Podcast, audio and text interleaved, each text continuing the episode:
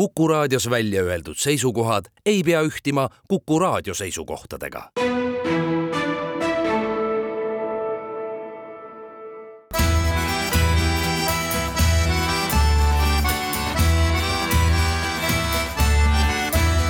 Kirillitsas Eesti. Tere päevast, head raadiokuulajad, eetris on Kirillitsas Eesti, saatejuhiks nagu alati Pavel Ivanov ja hea meel stuudios tervitada meediaeksperti Julia Rodinat. tere! ja kolleegi Raadio neljast Artur Aukonit. tere päevast!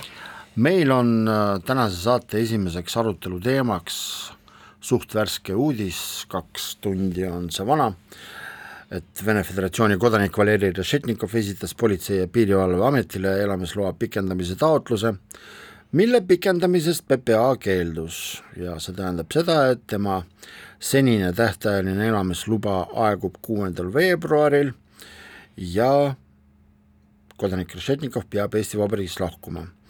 ja nii, kuidas ütles Põhja prefektuuri piirivalvebüroo juht Indrek Aru, riik otsustas elamisloa pikendamisest keelduda, kuna Rešetnikov toetab oma avalikus tegevuses ja sõnavõttudes agressorit ning ta pole vaatamata varasematele hoiatustele oma käitumist muutnud. eks kindlasti PPA-l on omad äh, kriteeriumid selles suhtes ja kahelda võib-olla selle otsuse öö, mõistlikkuses noh, ka ei tasu, eks kindlasti nad teavad rohkem kui meie siin stuudios ja tavakodanik, aga mulle selle teate juures tegelikult meeldis üks asi, nii kummaline kui see pole, on isegi sellistes uudistes, mis puht kommunikatiivselt on nagu okei okay,, et äh,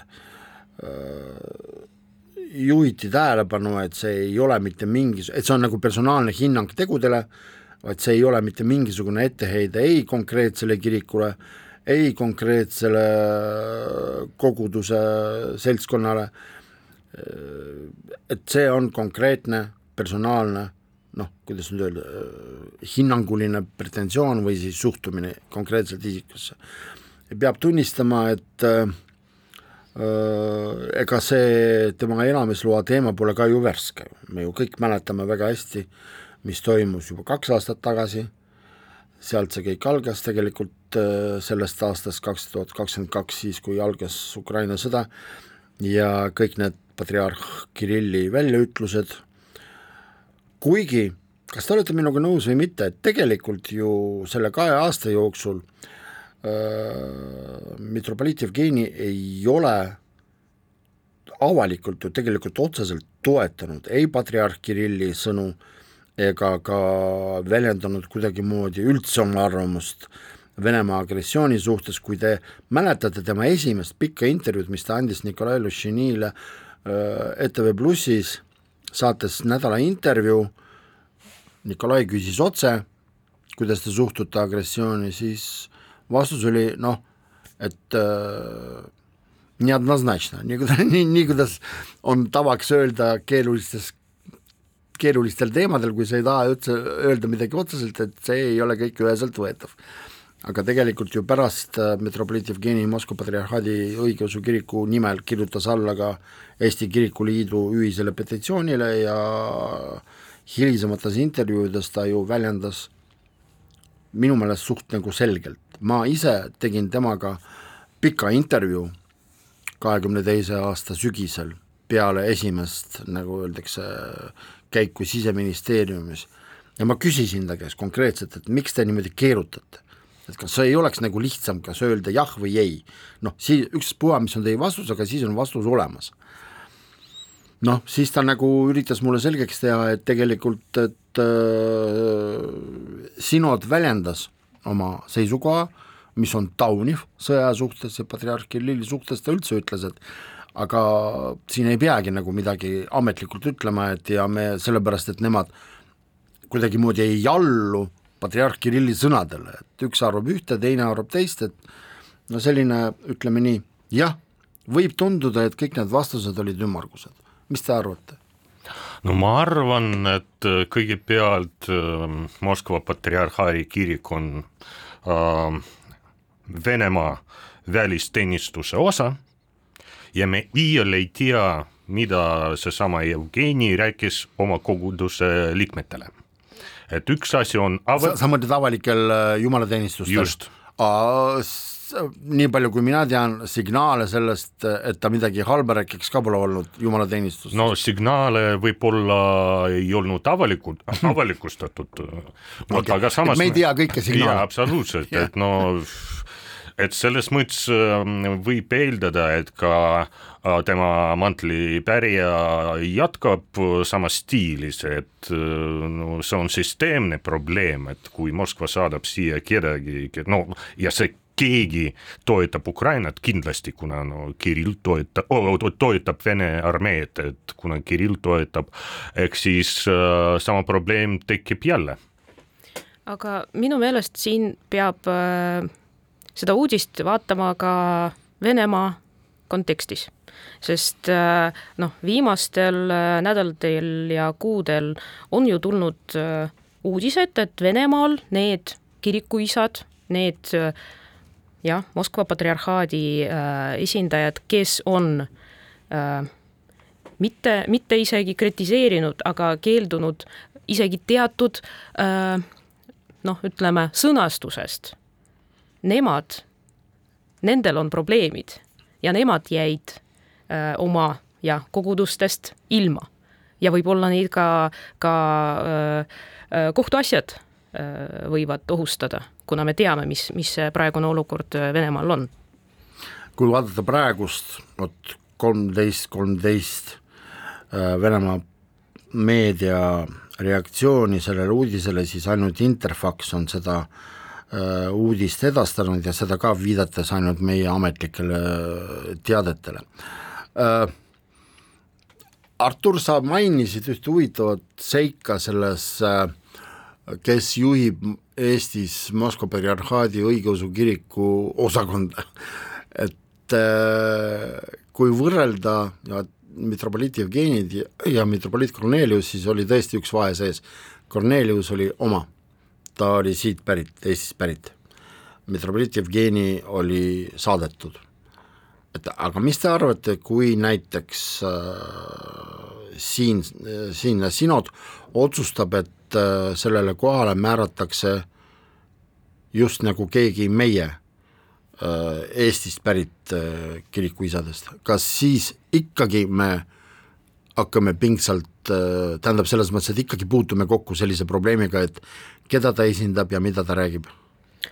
otse loomulikult, kuna see mm, isik satub keerulisse olukorda, et ühest küljest ta on Eestist pärit ja teisest küljest tal on nagu käsk Moskvast olemas, et no kindlasti Moskva kirik on üks äh, Kremli instrumentidest, et mõjutada äh, kaasmaalasi, ütleme nii. ja kindlasti Moskva ja Kreml äh, nagu kasutab seda võimalust hoogsalt.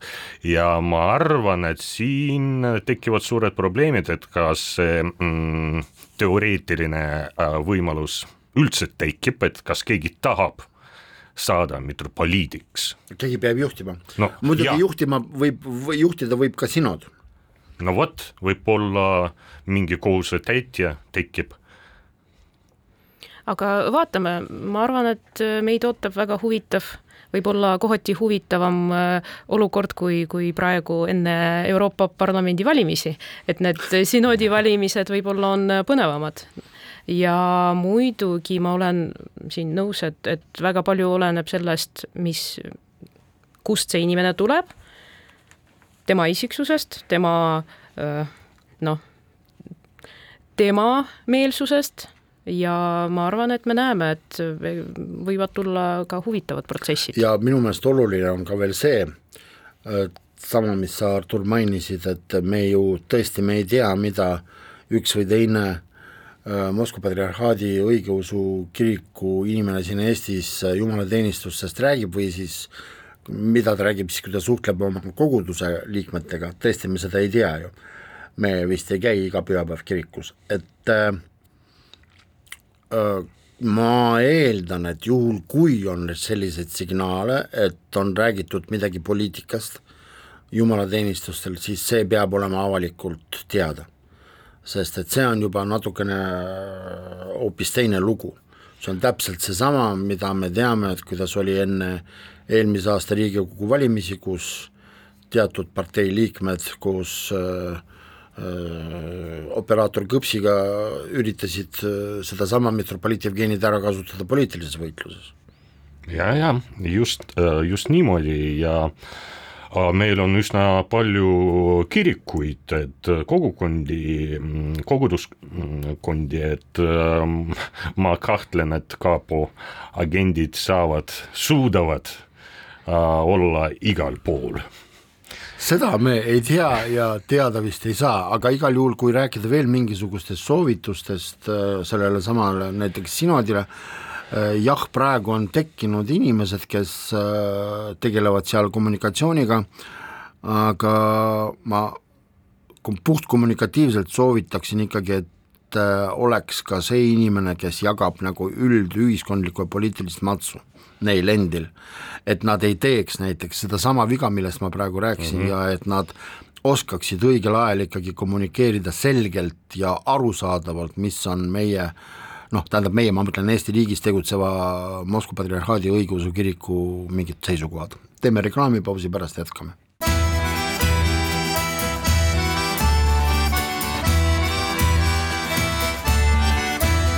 Kirillitsas Eesti jätkame saadet ja metropoliit Jevgeni loo juures siis siirdume Vjatšlav Morozovi teema juurde. Sellised personaalsed delikaatsed teemad on sel nädalal meil käsil. nii kuidas selgus siis, et jah, Vjatšlav Morozov kapo seisukohalt siis tegeles mitu-mitu aastat sellega, et ta spioneeris Venemaa kasuks ja sai selle eest ka tasu nüüdseks on Vjatšlav Morozov siis juba Tartu Ülikoolist öö, noh, kas siis läinud või siis lahkunud või siis poolte kokkuleppel. poolte kokkuleppel, jah. aga on muidugi see tõesti, see oli noh, teatud mõttes ikkagi täielik üllatus, ebameeldiv, see oli šokk, sellepärast et äh, näiteks kui ajakirjanduslikust aspektist rääkida, siis ta näiteks Raadio neljas esines väga tihti ja tema jutt oli akadeemiliselt intellektuaalne, ma ütleks. tegelikult me hakkasime vaatama, millal ta viimati eetris äh, olnud ja selgus, et see viimane eeter oli äh, peaaegu aasta tagasi, et veebruar kaks tuhat kakskümmend kolm, et millegipärast ta äh, viimasel ajal keeldus rääkimast. Jah, ja tegelikult tema rolli hakkas niimoodi tasakesti öö, täitma üks teine Tartu Ülikooli professor, kes samamoodi tegeleb poliitiliste teooriatega, see on Andrei Makaritšev jah, ja mm, tuletan meelde, et samas instituudis endiselt vist töötab ka Morozovi abikaasa. vot seda ma ei tea vot ja mis olukorras ta praegu on, et kas kapo tegeleb ka tema profiiliga, me jälle ei tea. aga huvitav oli lugeda venekeelses Postimehes ühe äh, Morozovi kolleegi arvamust äh, või õigemini äh, mõtteid, et mida see Morozovi case endaga kaasa toob ja see on, ma pakun välja meie aruteluks, see on, see on palju huvitavam kui see case iseenesest et äh, millised järeldused või siis millised äh, tagajärjed äh, teistele venemaalastele, kes tegutsevad teadussfääris Euroopas, see case endaga töö, toob. ja siis teadur, ta ütles, et järeldused või siis need tagajärjed on juba väga selged. et see situatsioon ähvardab kasvatada avameelset mitteusaldust, umbusaldust nendele inimestele, kes teadussfääris Euroopas töötavad, kes on Venemaalt nagu puhtpoliitilistel, ütleme, põhjustel ära läinud seal. Ja et see nagu rikub üldist nagu Venemaa või siis Vene emigratsiooni öö, olekut Euroopas ja maailmas, et ma arvan, et tõesti see, see selline juhtum me praegu ei, ju ei tea, mis, kas siis kuivõrd suur on see süü ja nii edasi, nii edasi. me isegi ei tea, äh, mida kohtu, äh, kohtuasi, millega see lõpeb. aga igal juhul äh, võib oletada tõesti, et see umbusaldus tõesti kasvab seda küll, aga tulles tagasi selle konkreetse case'i juurde, et tuletame meelde, et Morozov tuli Eestisse aastal kaks tuhat kümme. et üsna rahulikul ajal, ütleme nii. enne seda ta töötas Peterburi riiklikus ülikoolis, et me kolleegidega hakkasime mõtlema, et kuidas juhtus nõnda, et FSB praegu kasutas Morozovi enda huvides, et äkki Morozov on juba ammust ajast olnud äh, FSB agent. Ja Karmo Tüür oma Facebookis äh, kirjutas nõnda, et äh, mitte oma arvamusest, aga ikkagi ta väidab, et iga äh, teadur, Venemaa teadur, kes tegeleb välispoliitiliste teemadega on niigi FSB-ga seotud, et FSB jälgib kindlasti kõiki neid, kes on äh, nende teemadega kursis on.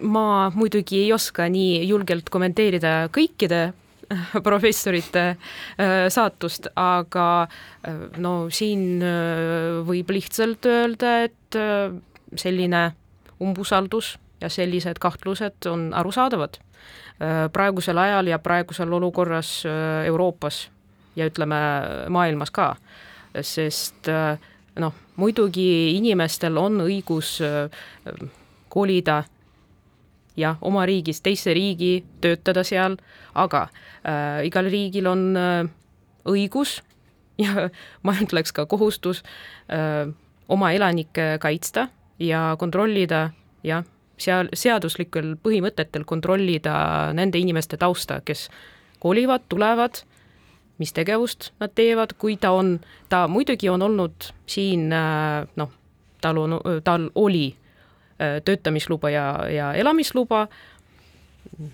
see on teine küsimus kuidas teda kontrolliti ja miks ja kuidas see info jõudis ikkagi kaponi, et ta väidetavalt tegutseb. no ma arvan, et see info jõudis kaponi ka mitte eile ega üleeile, vaid ma Muidugi. arvan, et jah, kindlasti palju varem ja nagu öeldakse, et huvitav oli vaadata, mis ta teeb ja just, et äh, mis on see info, mida ta jagas tegelikult, et, et no võib oletada, et äh, no ma ei tea, no kui me vaatame neid uuringuid, mida tehti äh, Skytte instituudis, no see ei ole mingi salapärased uuringud, et võib-olla algstaadiumil, et äh, kuna teadurid kogusid mingit infot, et ta jagas nagu neid andmeid juba algstaadiumil. aga ma esitan teile teistsuguse küsimuse, öelge palun, kas äh, see elanike osa, kes äh, võib-olla näeb rohkem selle Morozovi asja taga russofoobiat ja selliseid asju, kuidas neile selgitada, et tegelikult, et äh, kui sellised asjad juhtuvad ja kui Äh, ütleme niimoodi, et spioone äh, avastatakse, et äh, inimesed saaksid aru, et äh, see umbusalduse atmosfäär, ta tulebki nendest juhtumitest, aga mitte sellepärast, et siin Eestis elavad vastikud ma ei tea, mingisugused russofoobid ja nii edasi, nii edasi, et, et kuidas, kuidas ehitada üles, konstrueerida selline infoväli, et kus tegelikult inimesteni ikkagi jõuab see, et äh, noh, inimene ilmselgelt tegi midagi, mis ei vasta Eesti Vabariigi põhiseadusele.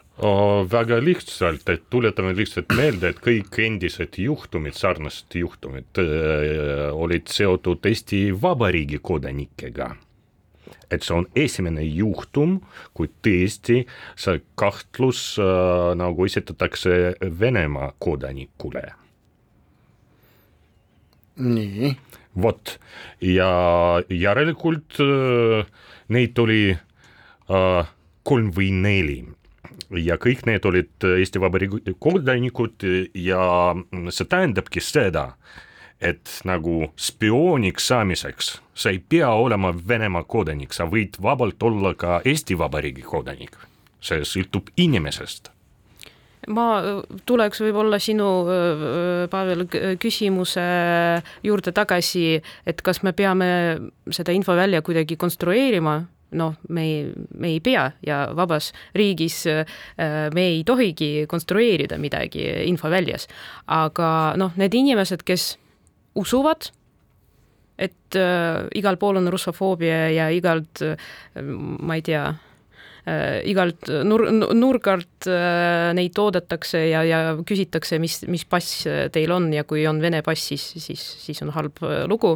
noh, nad usuvadki seda ja nad otsivad, see kognitiivne viga on neil juba sees kahjuks ja nad otsivadki neid juhtumeid ja nad loevadki neid uudiseid just selle nurga alt ja ma pean tõdema, et siin on oht hoopis teises nurgas, et ma rääkisin hiljuti äh, Venemaa põgenikega, kes on no tõesti Venemaalt lahkunud paar-kolm aastat tagasi, kellel on siin äh, elamisluba olemas. mitte seotud äh, sõjaga põgenemine? no põhimõtteliselt sõjaga seotud okay. ja nad on kõik äh, Ukraina poolt, mhm. toetavad mm -hmm. ja koguvad raha, saadavad sinna, aga see selleks, et nad kardavad et Eesti läheb äh, Läti teed, et saadab välja või esitab äh, mingisugused uued äh, nõudmised ne neile, et äh, nagu nendest lahti saada.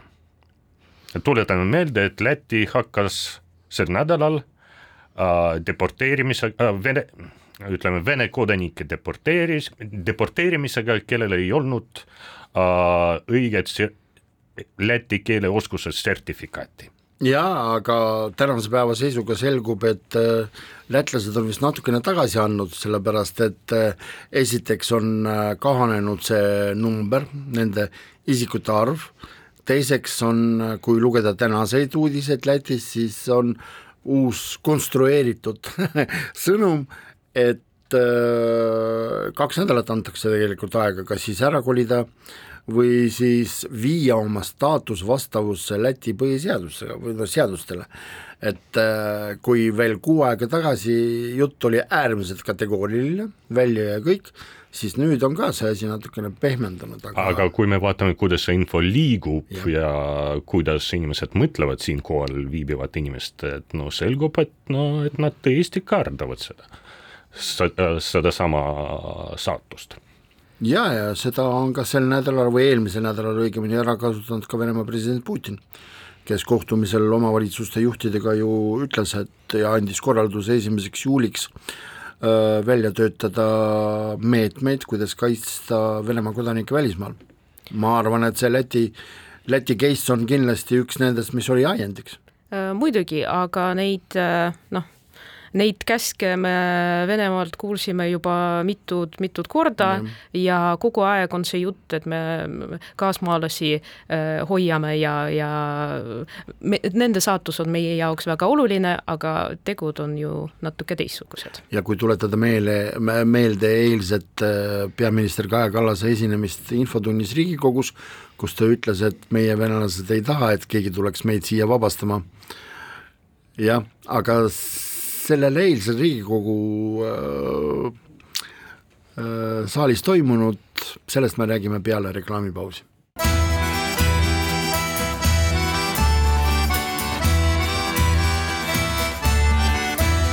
Kirillitsas Eesti.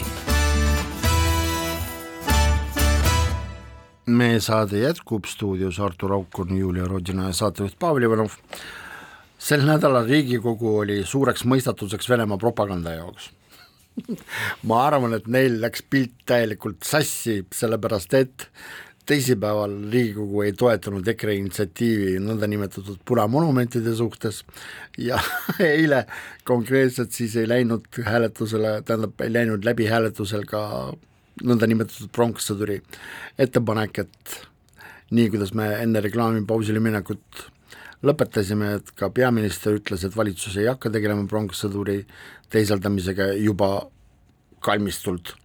Ja kui ma vaatasin eile, tähendab teisipäeval eile ja siis ka täna hommikul nagu just nagu äh, noh, monitoorisin ise nagu Venemaa meediakanaleid, siis minu meelest neil tõesti jooksis juhe kokku, sellepärast et ma eeldan, et nende ootused olid pisut teistsugused ja võib-olla selle jaoks oli ka teritatud nõndanimetatud propagandapliiats, et kõik need asjad nagu ühte patta panna, aga siin näed, selgus, et teisipäeval Riigikogus ei läinud läbi üldse see asi ja pronkssõdur üldse nagu Eesti valitsust nagu jätab alles vähemalt seni ja ei hakka sellega tegeleda.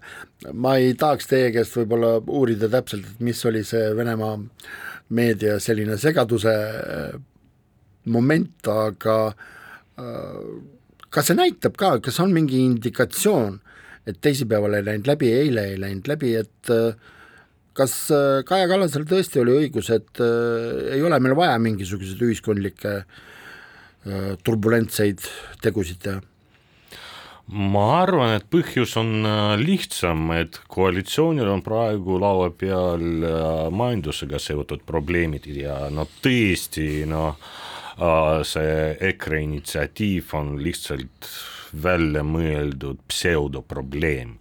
et no me vaatasime hiljuti, kuidas Isamaa reiting tõusis kõvasti ja siis EKRE-l ilmselt tekkis idee, et on vaja midagi pakkuda inimestele, et noh, et äh, hoida seda initsiatiivi enda käes jah, no pronkssõdur on tõesti selline emotsionaalselt laetud äh, sümbol, aga noh, olgem ausad, viimasel ajal midagi tema ümber õnneks ei juhtunud sellist, miks peaks äh, võib-olla mõelda, et mingisugused teised lahendused jah, peaksid jah, juhtuma, aga jah, nõus, siin min-, minu meelest EKRE-l noh, siin aastavahetuse ajal tundus, et võiks oma reitingut natuke värskendada ja parandada. Ja noh, pronkssõdur on alati siin olemas, väga laetud, kõik mäletavad, mis toimus pronksööl ja nii edasi ja nii edasi ja kõik need märksõnad. seitseteist aastat on juba möödas ma lihtsalt hakkasin nagu selle peale eile õhtul mõtlema, kui saate teemasid vaatasin, et seitseteist aastat tagasi, et mul on see meeles nagu siia, siiani on meeles, et äh, see oli neljapäevane õhtu, kuidas oli vaja reed, mulle reede hommikuseks salvestuseks ühest noh, tähendab arvamussaate salvestuseks kirjutada sellele tekst, mille ma reaalajas muutsin iga viieteist minuti tagant. Et äh, lihtsalt need mälestused niivõrd värsked ja noh, jah, väga sellised ootamatud ja nii edasi, nii edasi.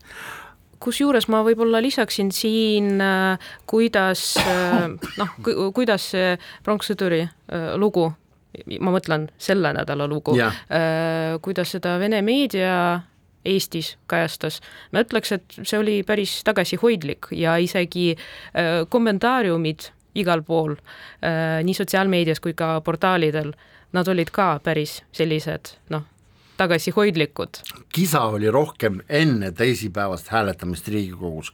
oot nüüd näete, nüüd see asi on seal nii edasi, nii edasi, inimesed pruunides nahkjoppedes võtsid ka sõna ja nii edasi, nii edasi ja siis, kui hääletus oli nii, kuidas ta oli, kui tegelikult kõik ka meie toksilistes gruppides sotsvõrkudes said näha, kes kuidas hääletas no ma arvan, et siinsetel aktivistidel oli ka selline fopaa, et nagu ka legendaarsed äh, administraatorid äh, nagu seda on Irina Ušarova, eks ole, meie suur sõbranna grupist Novosti Estonia, kes igal pool näeb fašiste ja russofoobe, isegi tema nagu oli üllatunud, issand jumal, kas meil on Riigikogus normaalseid inimesi ka veel jäänud või?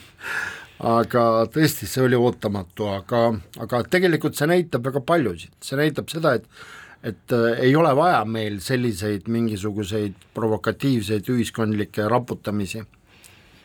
Noh jah, et ähm, ma ütleks nii, et suur osa inimestest ikkagi mõtleb praegu oma majanduslikust olukorrast ja Kaja Kallase värske intervjuu The Times äh, ajakirjale, kus ta väitis, et äh, kui sõda ühel päeval äh, Ukrainas lõpeb, siis äh, Venemaal on kolm kuni viis aastat selleks, et taastada oma sõjalist poten-, potentsiaali.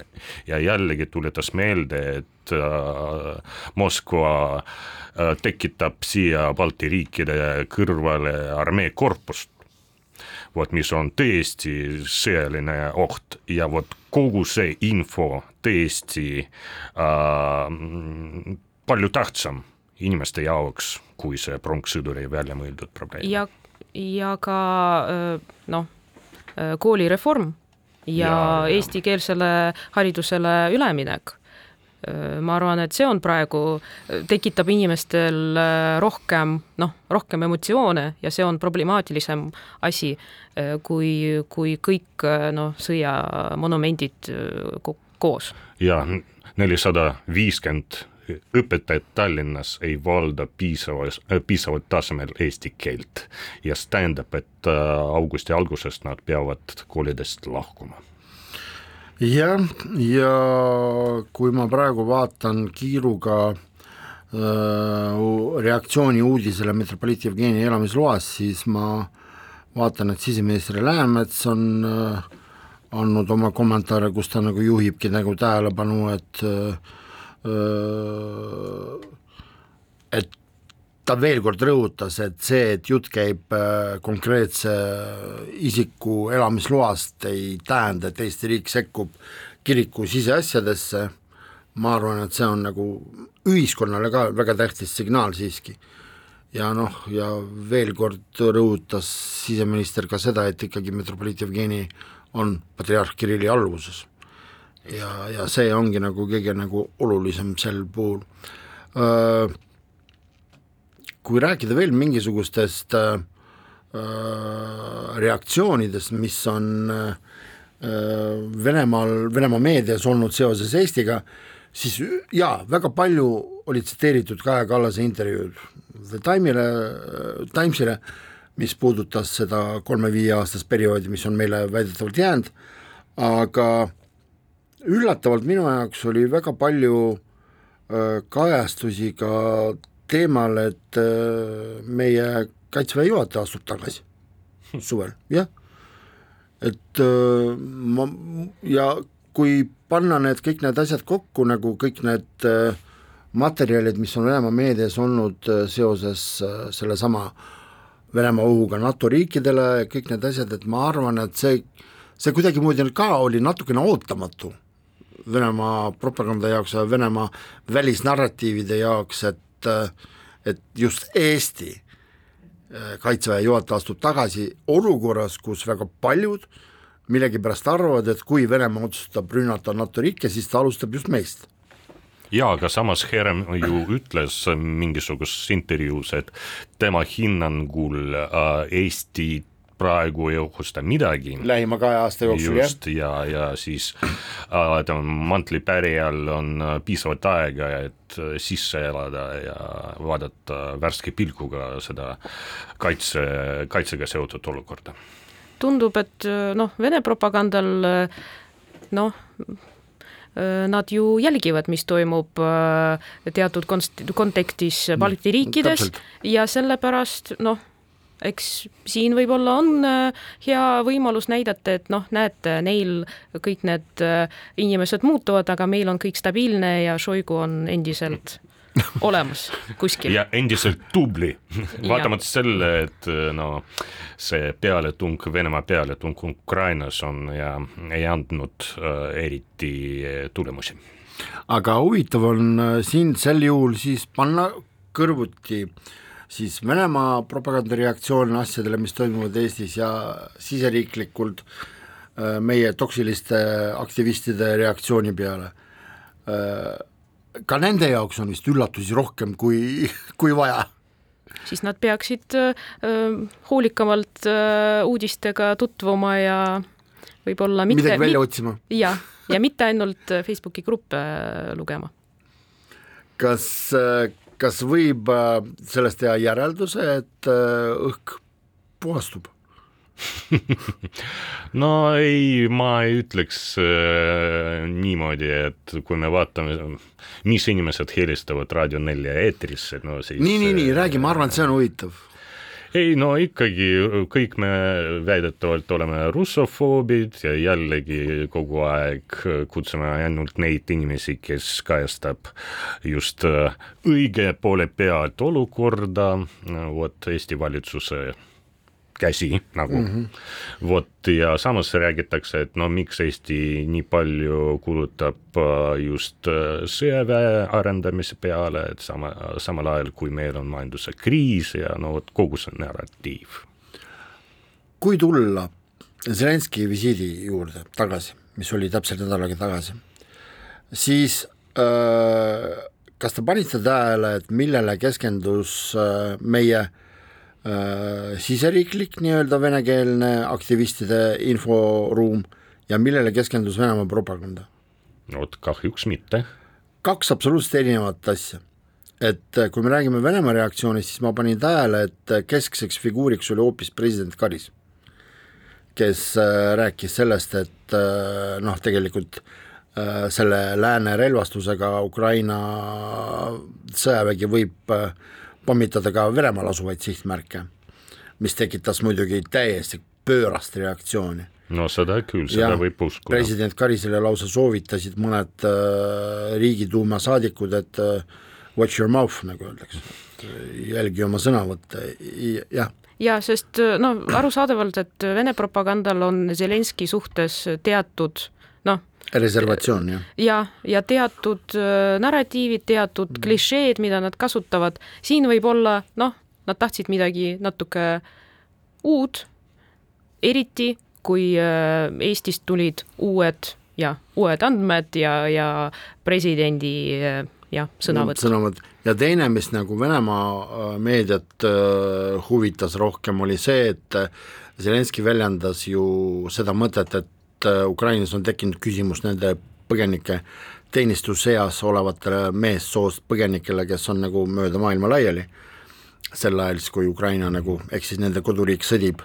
See väga meeldis äh, Venemaa propagandale, aga siseriiklikult oli kaks teemat, et esiteks, et no mis roheline mehike nüüd tuli, et teda on vaja lausa helikopteritega turvata, see oli muidugi vapustav. Ja teine, no mis nagu oli niisugune leitmotiiv, oli see, et noh, tuli raha küsima. Ja kolmas aspekt on äh, liiklusega seotud. No, jah, suured ummikud ja, ja, ja, ja nii edasi, et keegi meenutas, et isegi Obama äh,, kui Obama tuli Eestisse, et sellist äh, olukorda ei olnud.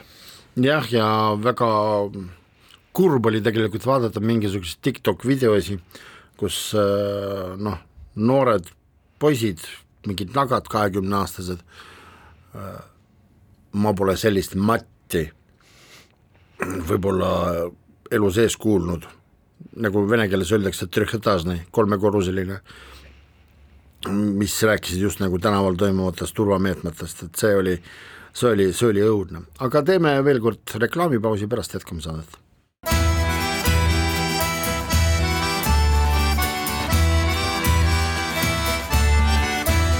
Kirillitsas Eesti. Jätkame saadet, eile me kõik kolm, igaüks oma kodus vaatas äh,, vaatasime ETV Plussi väiklussaadet Epitsenter, kus siis arutelu teemaks oli, et kas äh, Tallinna võimul, Tallinnas võimul olev koalitsioon säilib või mitte.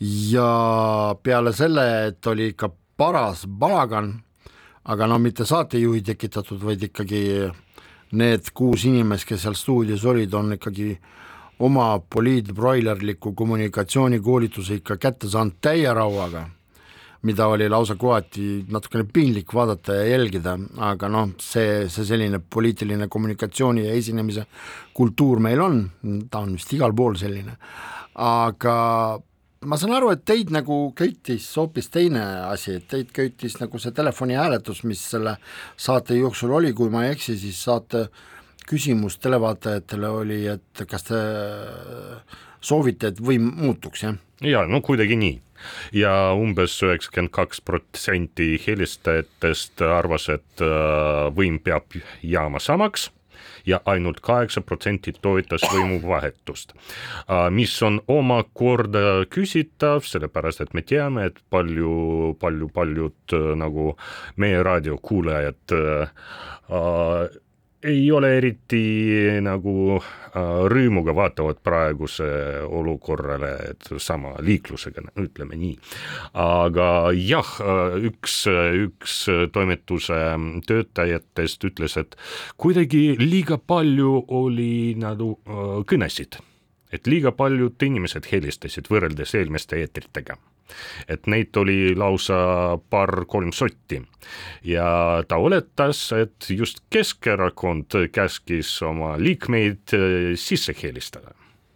No seda me Ei ei tea. tea, aga äh, täna hommikul ma vaatasin äh, seda sama küsimuse hääletamist äh, Russia reportaalil äh,, kus, kus on selle saate kohta uudis, nagu neil kombeks on seda teha ja inimestel on võimalus ka online'is hääletada.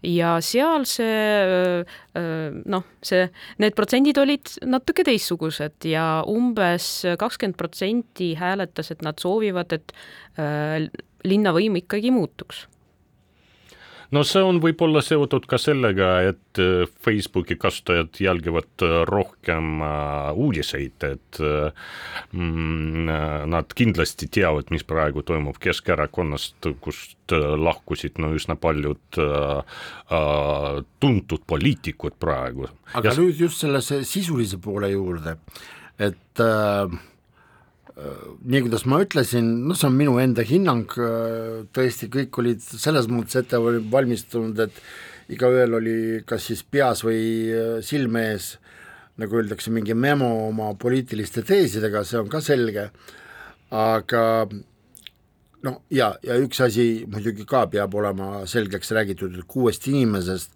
ainult kaks olid stuudios, kes esindasid Tallinna võimu, ehk siis tegelikult no matemaatiliselt neli versus kaks et seda peab ka nagu selles mõttes nagu silmas pidama.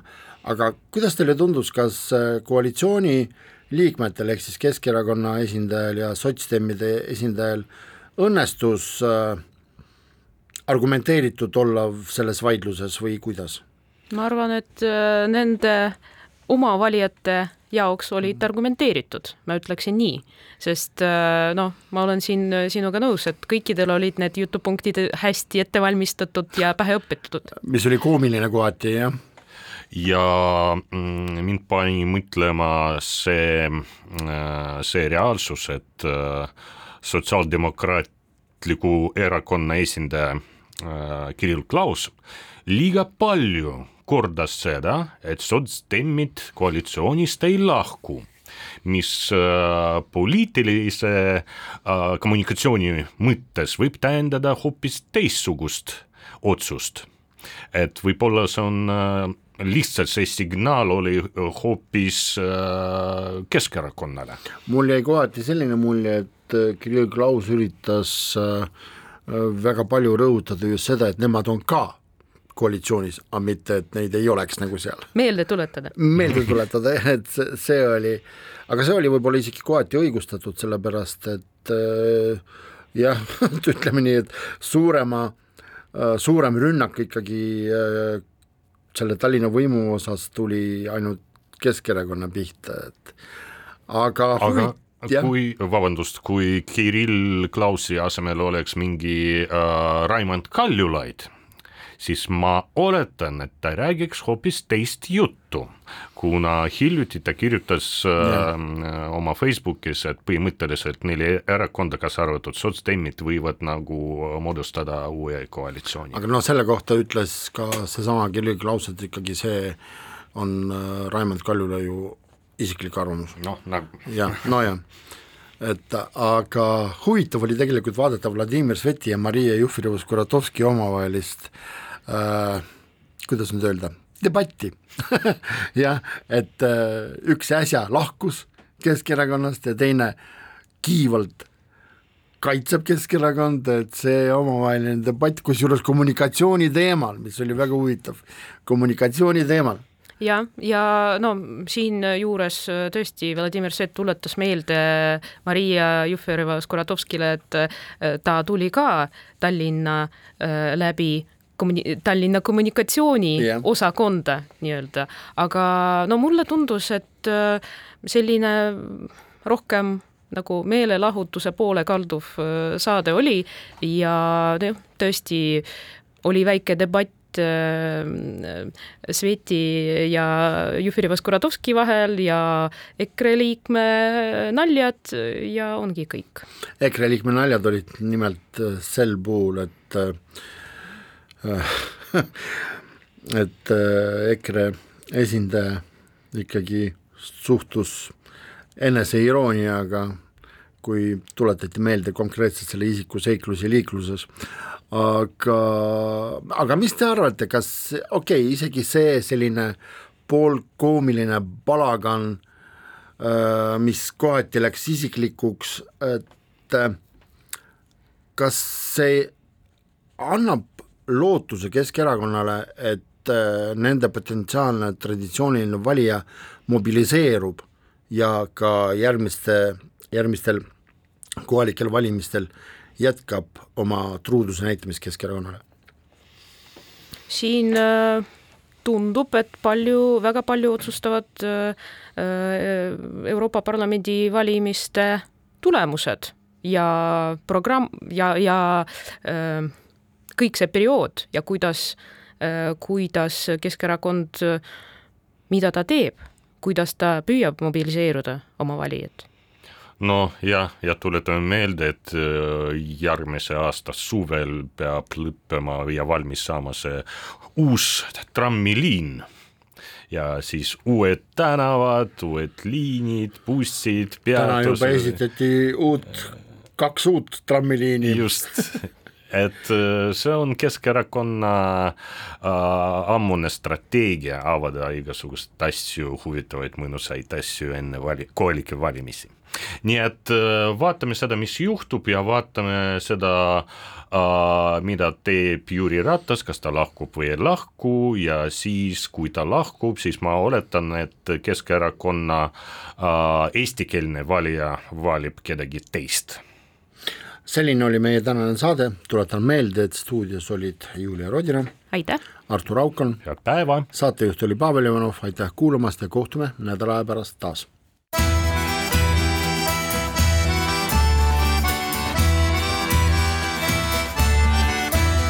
Kirillitsas Eesti